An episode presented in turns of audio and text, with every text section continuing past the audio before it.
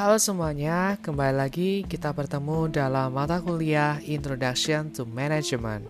Minggu lalu kita sudah membahas seputar bagaimana membuat sebuah tujuan dan perencanaan di dalam sebuah organisasi. Kali ini kita akan membahas satu materi yang masih terkait dengan perencanaan yaitu managerial decision making. Jadi dalam materi ini kita akan mengenal apa sih pengambilan keputusan itu, bagaimana proses dalam membuat sebuah keputusan manajerial, dan tipe-tipe keputusan berdasarkan manajernya. Jadi setiap manajer karena memiliki keunikannya masing-masing ataupun tipikal dalam mengambil sebuah keputusan, maka keputusan yang diambil bisa berbeda-beda. Sebelumnya, jangan lupa text notes ya, biar nggak lupa dengan materi atau podcast pada hari ini. Oke, langsung aja kita dengarkan podcast hari ini. Let's check it out!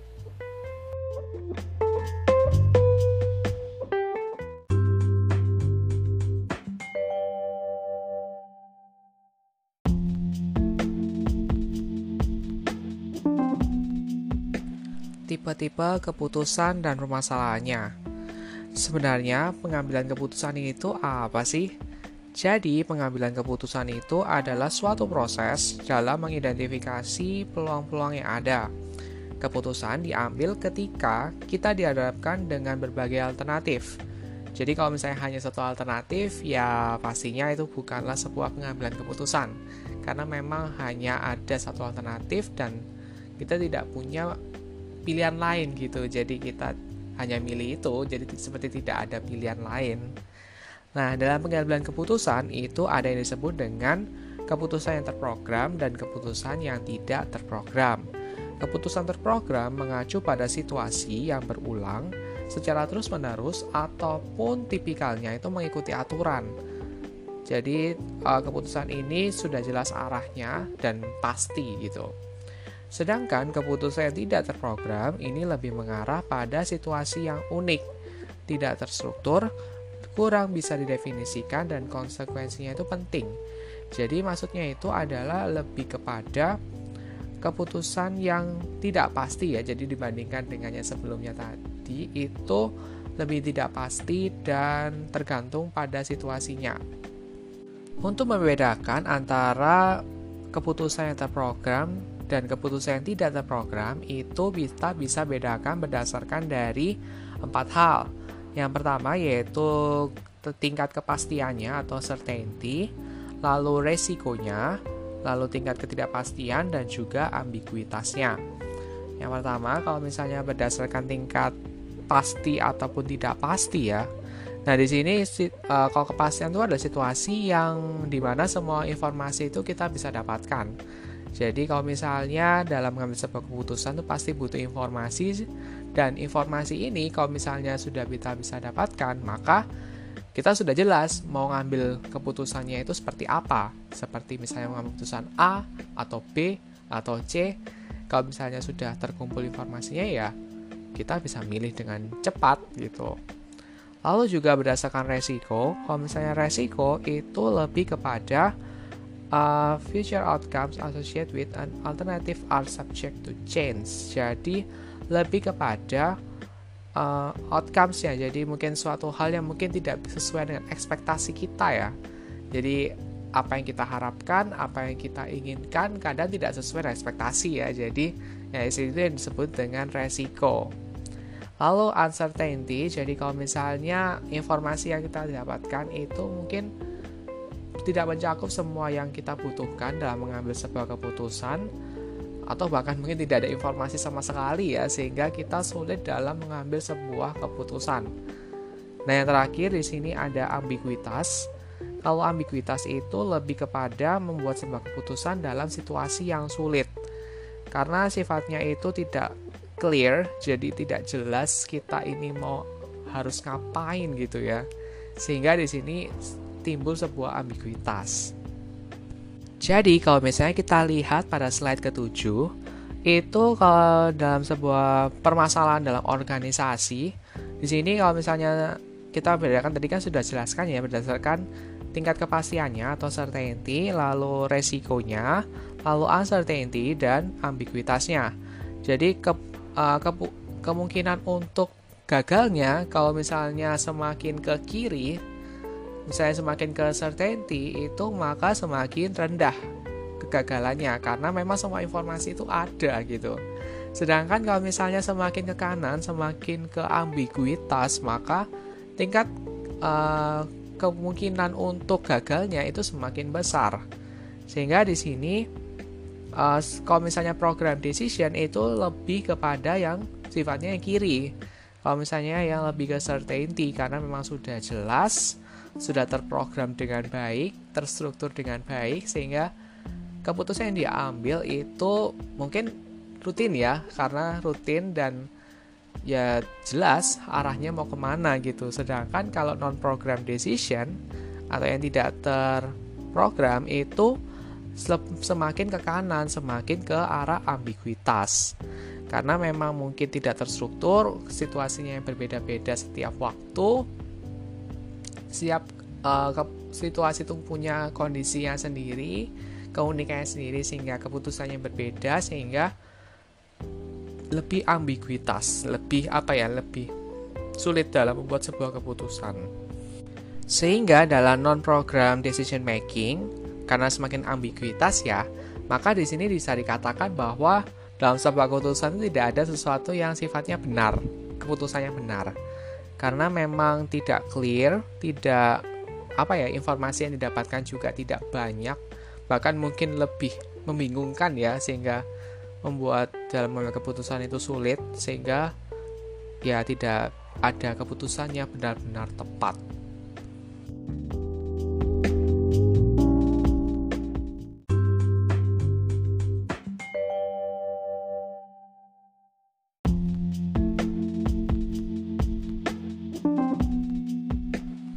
Model-model dalam pengambilan keputusan atau decision making models.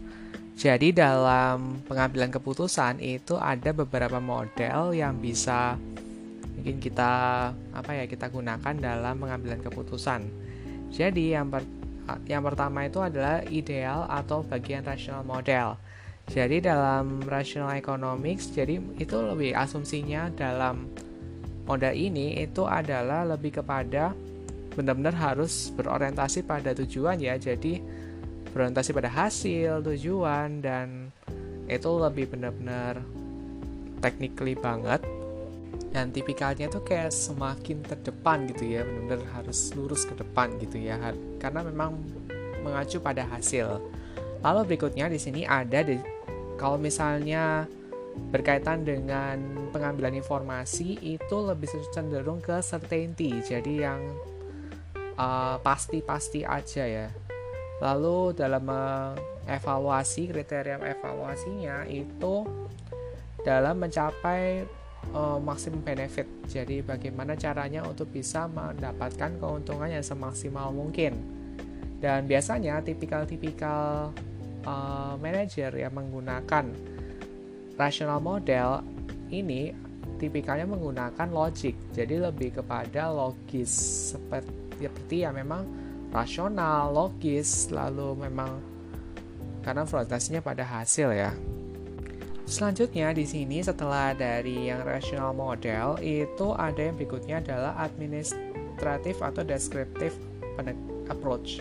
Jadi dalam pendekatan ini itu manajer lebih cenderung kepada mulai mengenal adanya humanistik ataupun juga apa ya mengenal pada adanya apa, batasan dalam lingkungan dan juga manusia dalam sebuah organisasi.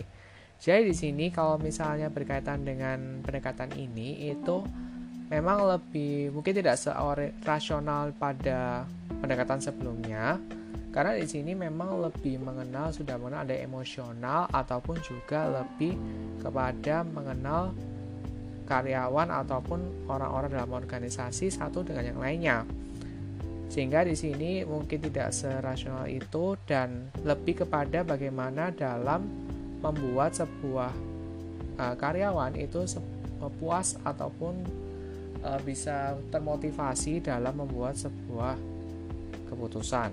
Jadi di sini tidak terlalu banyak dalam membuat sebuah benefit yang setinggi mungkin, maksudnya tidak berorientasi pada hasil lagi dan tapi lebih kepada uh, uh, lebih kepada manajernya itu uh, fokus kepada solusi yang mungkin tidak tidak benar-benar.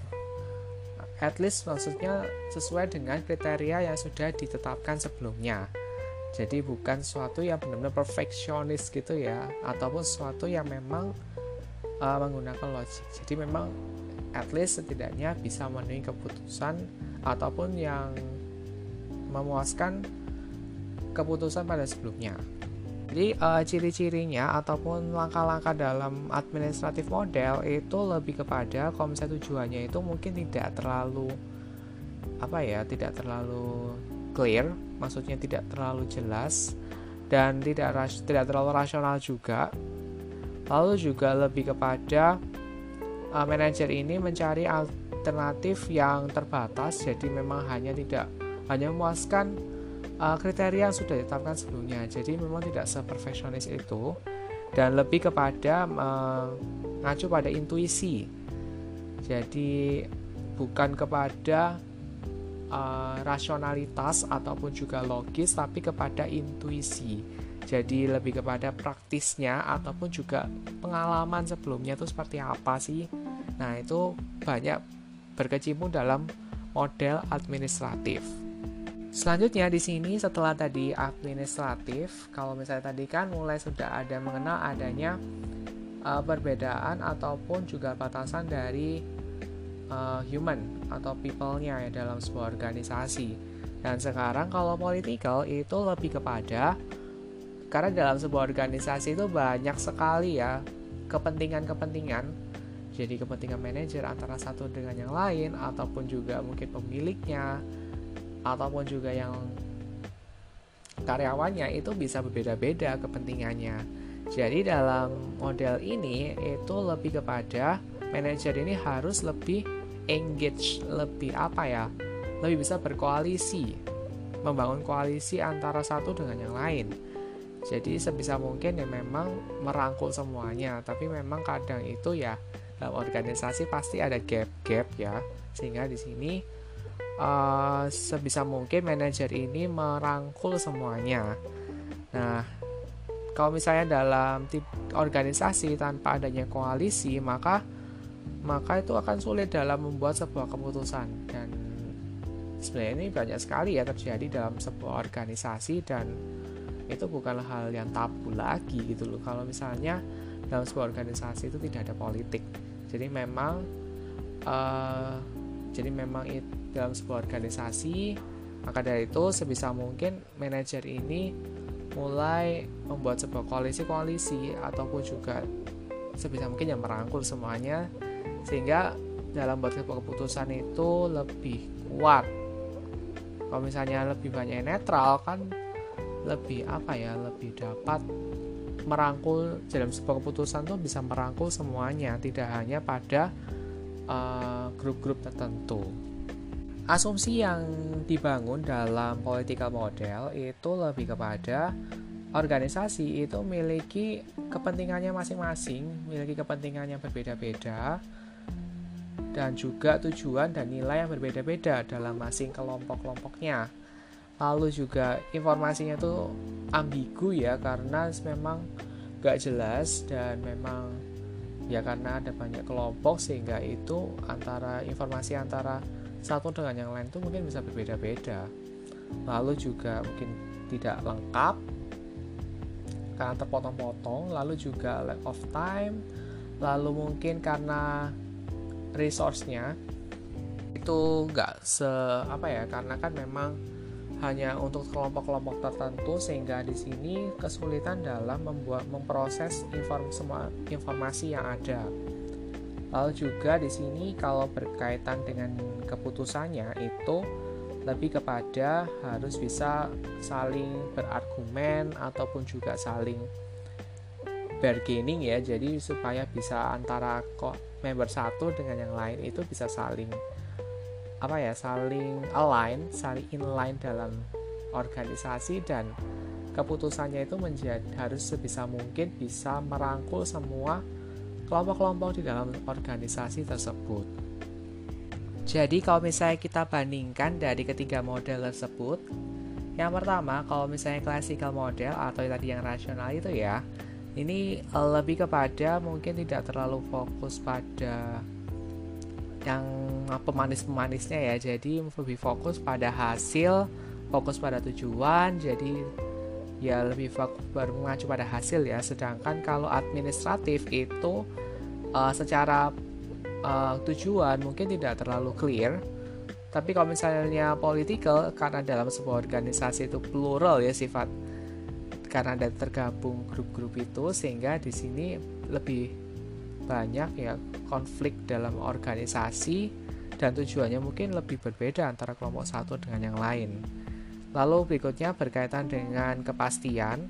Kalau misalnya classical itu lebih pasti ya, kondisi yang pasti kalau misalnya administratif itu lebih kepada uh, suatu situasi yang tidak pasti sedangkan kalau political itu memang benar-benar tidak pasti dan ambiguitas karena informasi yang didapatkan itu bisa beda-beda antara kelompok yang satu dengan kelompok yang lain gitu.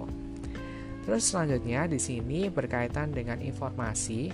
Kalau misalnya classical ini kan hanya mengacu pada satu kelompok tertentu ya satu benar satu orang tertentu jadi informasi ya hanya berdasarkan benar-benar full gitu jadi berdasarkan pada satu orang tertentu lalu kalau misalnya administratif itu mungkin lebih terbatas ya karena memang uh, karena resource-nya yang terbatas di sini sehingga akhirnya uh, informasi yang didapatkan itu juga terbatas Lalu kalau misalnya political itu lebih ke inkonsisten, jadi nggak konsisten karena karena itu bisa ada pemanis-pemanis dalam masing-masing kelompok ataupun juga informasi yang terputus-putus gitu sehingga nggak konsisten antara yang satu dengan yang lain.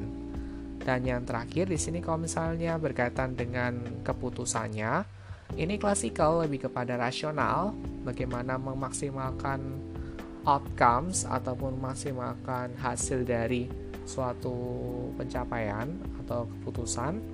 Lalu di sini kalau misalnya administratif itu lebih kepada memuaskan targetnya. Jadi kalau misalnya jadi, jadi tidak seperfeksionis itu dengan menggunakan intuisi ya, bukan kepada rasionalitas ataupun logik. Kalau misalnya political lebih kepada uh, win-win solution ataupun juga bargaining dan diskusi antara uh, member dalam sebuah organisasi sehingga tidak ada saling ya saling tidak percaya ataupun juga saling tidak menerima sehingga antara satu dengan yang lain itu bisa saling terima gitu.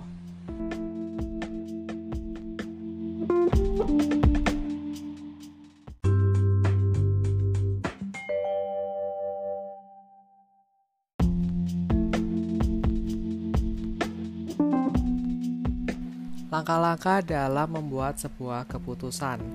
Jadi dalam sebuah ke buat sebuah keputusan itu pasti ada langkah-langkahnya ya, tidak sembarangan dalam asal ngambil keputusan.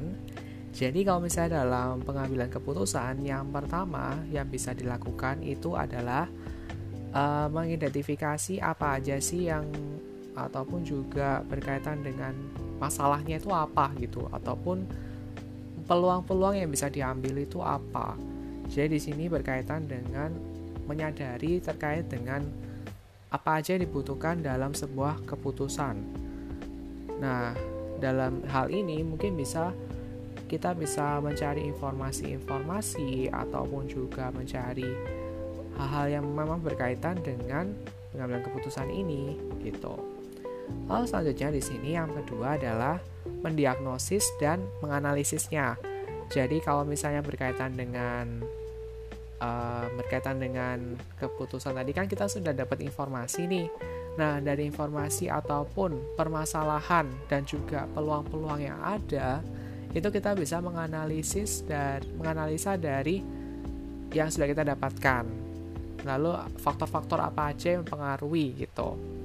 Selanjutnya di sini yang ketiga ada mengembangkan alternatif. Jadi kalau tadi kita sudah mendapatkan informasi lalu kita menganalisis lebih detail masalahnya itu apa dan faktor-faktor yang mempengaruhi. Dan sekarang kita mengembangkan alternatif-alternatif ataupun pilihan-pilihan yang bisa dijadikan untuk pengambilan keputusannya. Jadi kita misalnya oh kalau misalnya kita mau membuat sebuah keputusan A maka alternatifnya adalah B, C, D, E gitu. Ada empat alternatif pilihan yang bisa diambil sehingga di sini um, lebih jelas ya lebih rinci lagi dalam pengambilan keputusannya. Lalu berikutnya adalah memilih atau menseleksi alternatif yang mungkin apa ya mungkin lebih sesuai ataupun juga lebih hasilnya itu lebih tepat lebih sesuai dengan permasalahan yang ada ataupun juga lebih sesuai dengan kondisi yang terjadi pada saat itu uh, selain itu juga mungkin bisa disesuaikan dengan peluang-peluang yang ada juga.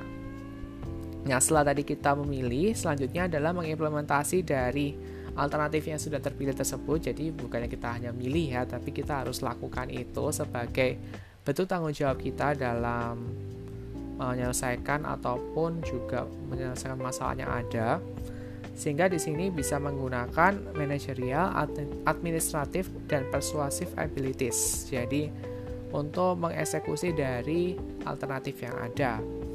Dan yang terakhir di sini uh, mengevaluasi dan feedback.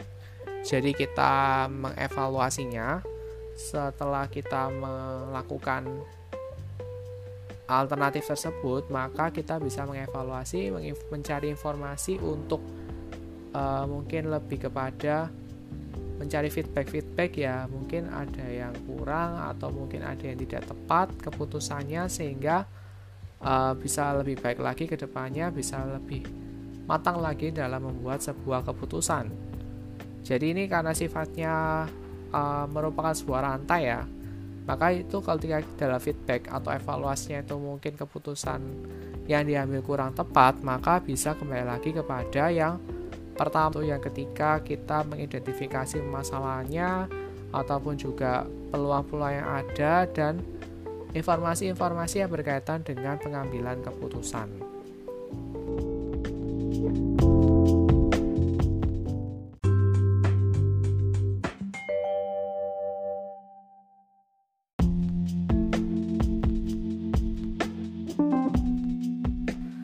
Selanjutnya di sini ada personal decision framework. Jadi kalau misalnya dalam personal decision framework yang bisa kita lihat pada slide 21, jadi di sini uh, berkaitan dengan situasi tadi yang kita sudah bahas banyak itu berkaitan dengan situasi yang berkaitan dengan decision making. Jadi kalau dalam situasi itu kan ada yang program dan non program, lalu juga ada model-model dalam pengambilan keputusan yaitu tadi ada classical atau rasional, lalu ada administratif dan juga political. Dan yang berikutnya adalah langkah-langkah dalam mengambil sebuah keputusan. Nah, di sini kalau misalnya dari situasi yang sudah dipetakan tadi, lalu ditambahkan atau dikaitkan dengan personal decision style, itu maka kita bisa mengambil sebuah keputusan yang tepat. Jadi di sini kalau misalnya berkaitan dengan personal decision, decision style itu ada empat yaitu directive, analytical, conceptual, dan behavioral. Kalau directive style itu lebih kepada ya tadi mungkin lebih fokusnya cenderung ke rasional ya jadi yang tipikal-tipikal yang simple lalu juga mungkin tidak terlalu banyak detail lalu juga mungkin fokus kepada problems bagaimana membuat uh, memutuskan problem solving dalam problemsnya itu sehingga di sini tidak terlalu mungkin lebih kepada hasil ya lebih kepada hasil di sini. Lalu di sini ada analytic style. Kalau analytic style itu lebih kepada yang cenderung lebih kompleks lagi karena di sini dia menggunakan uh, banyak data dalam membuat sebuah keputusan kalau berikutnya di sini ada conceptual style. Kalau conceptual style ini lebih kepada mencari sebuah informasi yang lebih luas sehingga lebih fokus kepada konsep yang ada. Lalu behavioral style lebih kepada fokus kepada uh, masing-masing individu dalam sebuah organisasi. Jadi memang lebih mengenal perilaku dari masing-masing karyawan, masing-masing manajer lainnya, sehingga dalam mengambil keputusan ini sangat uh, dipengaruhi oleh faktor emosional. Kalau misalnya tadi yang direktif lebih kepada hasil, kalau yang behavioral itu lebih kepada masalah bisa dikatakan ya emosional ataupun juga hati gitu. Jadi kalau empat ini memang memiliki ciri khasnya masing-masing dan kalau misalnya tadi digabungkan dengan yang situasi maka bisa menghasilkan sebuah keputusan yang tepat dalam mengenangani problem yang ada. Karena tadi problemnya kan disesuaikan dengan uh, situasi yang uh, seperti kalau misalnya modelnya itu misalnya klasikal mungkin klasikal lebih cocok ke direktif kalau misalnya tadi yang administratif lebih fokus lebih cocoknya ke behavioral style. Seperti itu. Jadi tergantung dari situasi-situasi yang dilakukan atau dijalani pada saat itu.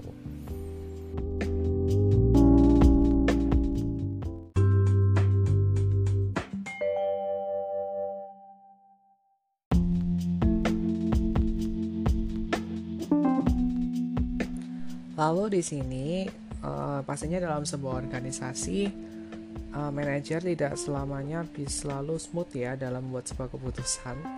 Jadi kadang itu juga pasti ada yang mengalami kesalahan ataupun juga membuat sebuah keputusan yang tidak tepat ataupun sebuah keputusan yang buruk dalam organisasinya.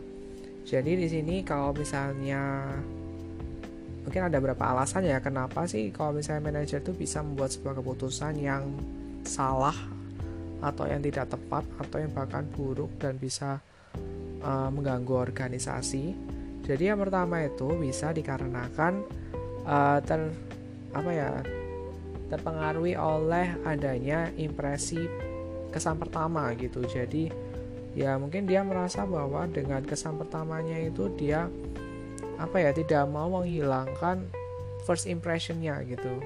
Bisa jadi first impressionnya itu salah gitu loh padahal belum tentu benar juga. Jadi ya dia tidak mau berubah dengan adanya kesan pertama dari tidak move on dari kesan pertamanya itu. Terus berikutnya yang kedua adalah uh, lebih fokus kepada dia tidak mau mengakui kesalahannya jadi kayak dia tuh mungkin di sebelumnya tuh dia melakukan kesalahan dan dia tidak mau mengakui bahwa dia tuh salah gitu. Jadi ya ya dia tidak bisa belajar dari kesalahannya kalau misalnya dia tidak mau menyadari kesal bahwa dia bahwa yang dia lakukan tuh salah gitu. Lalu yang berikutnya di sini ada uh, dia itu hanya mencari informasi berdasarkan uh, yang sesuai dengan pemikirannya apa yang ingin dicapai ataupun juga uh, dia yang ingin sesuai dengan pemikiran dan kepercayaannya gitu. Jadi dia mengabaikan informasi yang tidak sesuai dengan kepercayaannya ataupun juga pemikirannya.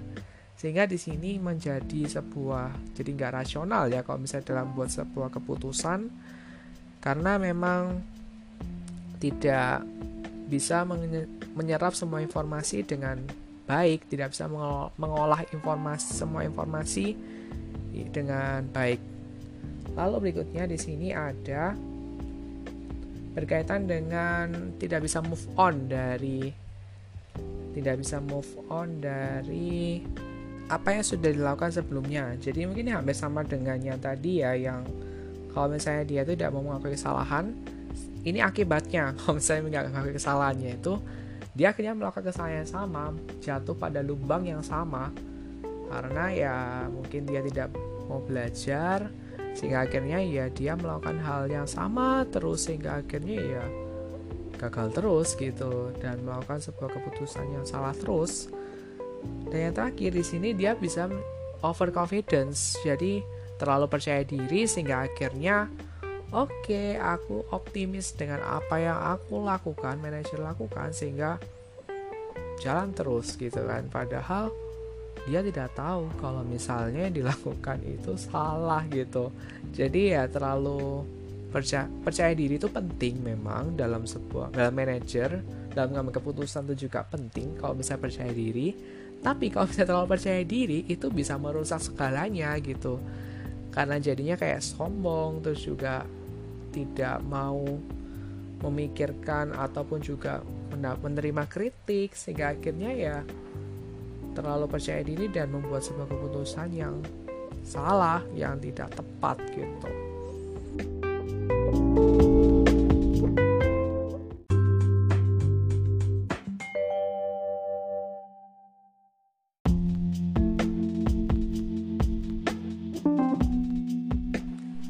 tadi kan kita sudah membahas tentang uh, ada beberapa hal yang bisa menyebabkan manajer itu mengambil sebuah keputusan yang tidak tepat. Nah, di sini kalau misalnya dalam membuat sebuah keputusan itu penting banget untuk uh, diperhatikan uh, beberapa hal yang bisa diperhatikan yaitu berkaitan dengan inovatif decision making. Jadi di sini yang pertama yaitu uh, dimulai dengan adanya brainstorming jadi mulai ada diskusi lalu juga ada saling tukar pendapat sehingga di sini tercipta adanya bisa saling mendapatkan informasi dari berbagai sumber dan juga pandangan ya sehingga tidak hanya bersumber dari satu pandangan saja. Sehingga di sini membuat dalam mengambil sebuah keputusan itu bisa lebih dari banyak informasi. Lalu juga meng hubungkan dengan adanya evidence jadi ada bukti-bukti yang jelas ya sehingga kalau misalnya dalam keputusan tuh bukan ngasal gitu ya. Jadi ada bukti ada informasi sehingga lebih tepat dalam buat sebuah keputusan. Lalu di sini sebisa mungkin jangan hindari adanya debat ataupun juga adanya group think jadi kalau supaya tidak ada konflik ya jadi tidak ada stereotip ataupun juga mungkin pandangan-pandangan kelompok tertentu. Sebisa mungkin dalam membuat sebuah keputusan itu netral ya, jangan memihak antara pihak satu dengan yang lain sehingga tidak terjadi adanya konflik dalam sebuah organisasi. Lalu berikutnya di sini ada hindari adanya informasi-informasi yang negatif ya yang tidak sesuai dengan apa yang diinginkan oleh perusahaan ataupun juga yang berkaitan dengan keputusan ini sehingga mungkin tidak mengacaukan adanya keputusan yang sudah ditetapkan sebelumnya. Jadi biar tidak mengganggu sehingga sebisa mungkin informasi-informasi negatif itu dihindari. Dan terakhir yaitu do a postmortem jadi lakukan sebuah review atau evaluasi jadi bukan hanya berhenti sampai membuat keputusan lalu selesai perlu adanya evaluasi sehingga kalau misalnya inov apa keputusan yang diambil itu tidak tepat maka bisa uh, mungkin dikaji lagi mungkin ada yang salah dengan dalam merumuskan keputusannya ataupun juga mungkin informasi yang kurang sehingga bisa diperbaiki lagi untuk lebih baik lagi ke depannya dalam membuat sebuah keputusan.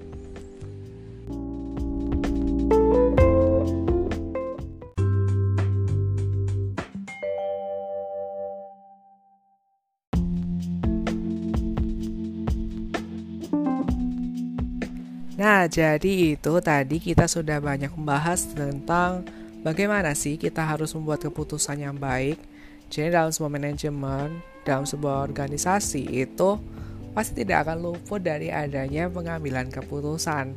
Jadi kan sudah tadi banyak belajar tentang bagaimana buat sebuah keputusan yang tepat, mungkin langkah-langkahnya juga dalam buat keputusan dan mungkin uh, mengenal bagaimana tipikal-tipikal dalam manajer pengambilan keputusannya dan sehingga mungkin bisa kalian terapkan dalam uh, kehidupan kalian sehari-hari dan juga nanti ketika kalian sudah menjadi manajer ya dalam sebuah organisasi. Jadi kalian bisa melakukan ini semua. Oke, uh, sampai sini dulu aja untuk pertemuan pada hari ini. Terima kasih atas perhatiannya yang sudah kalian berikan dan sampai jumpa di minggu depan. Bye bye.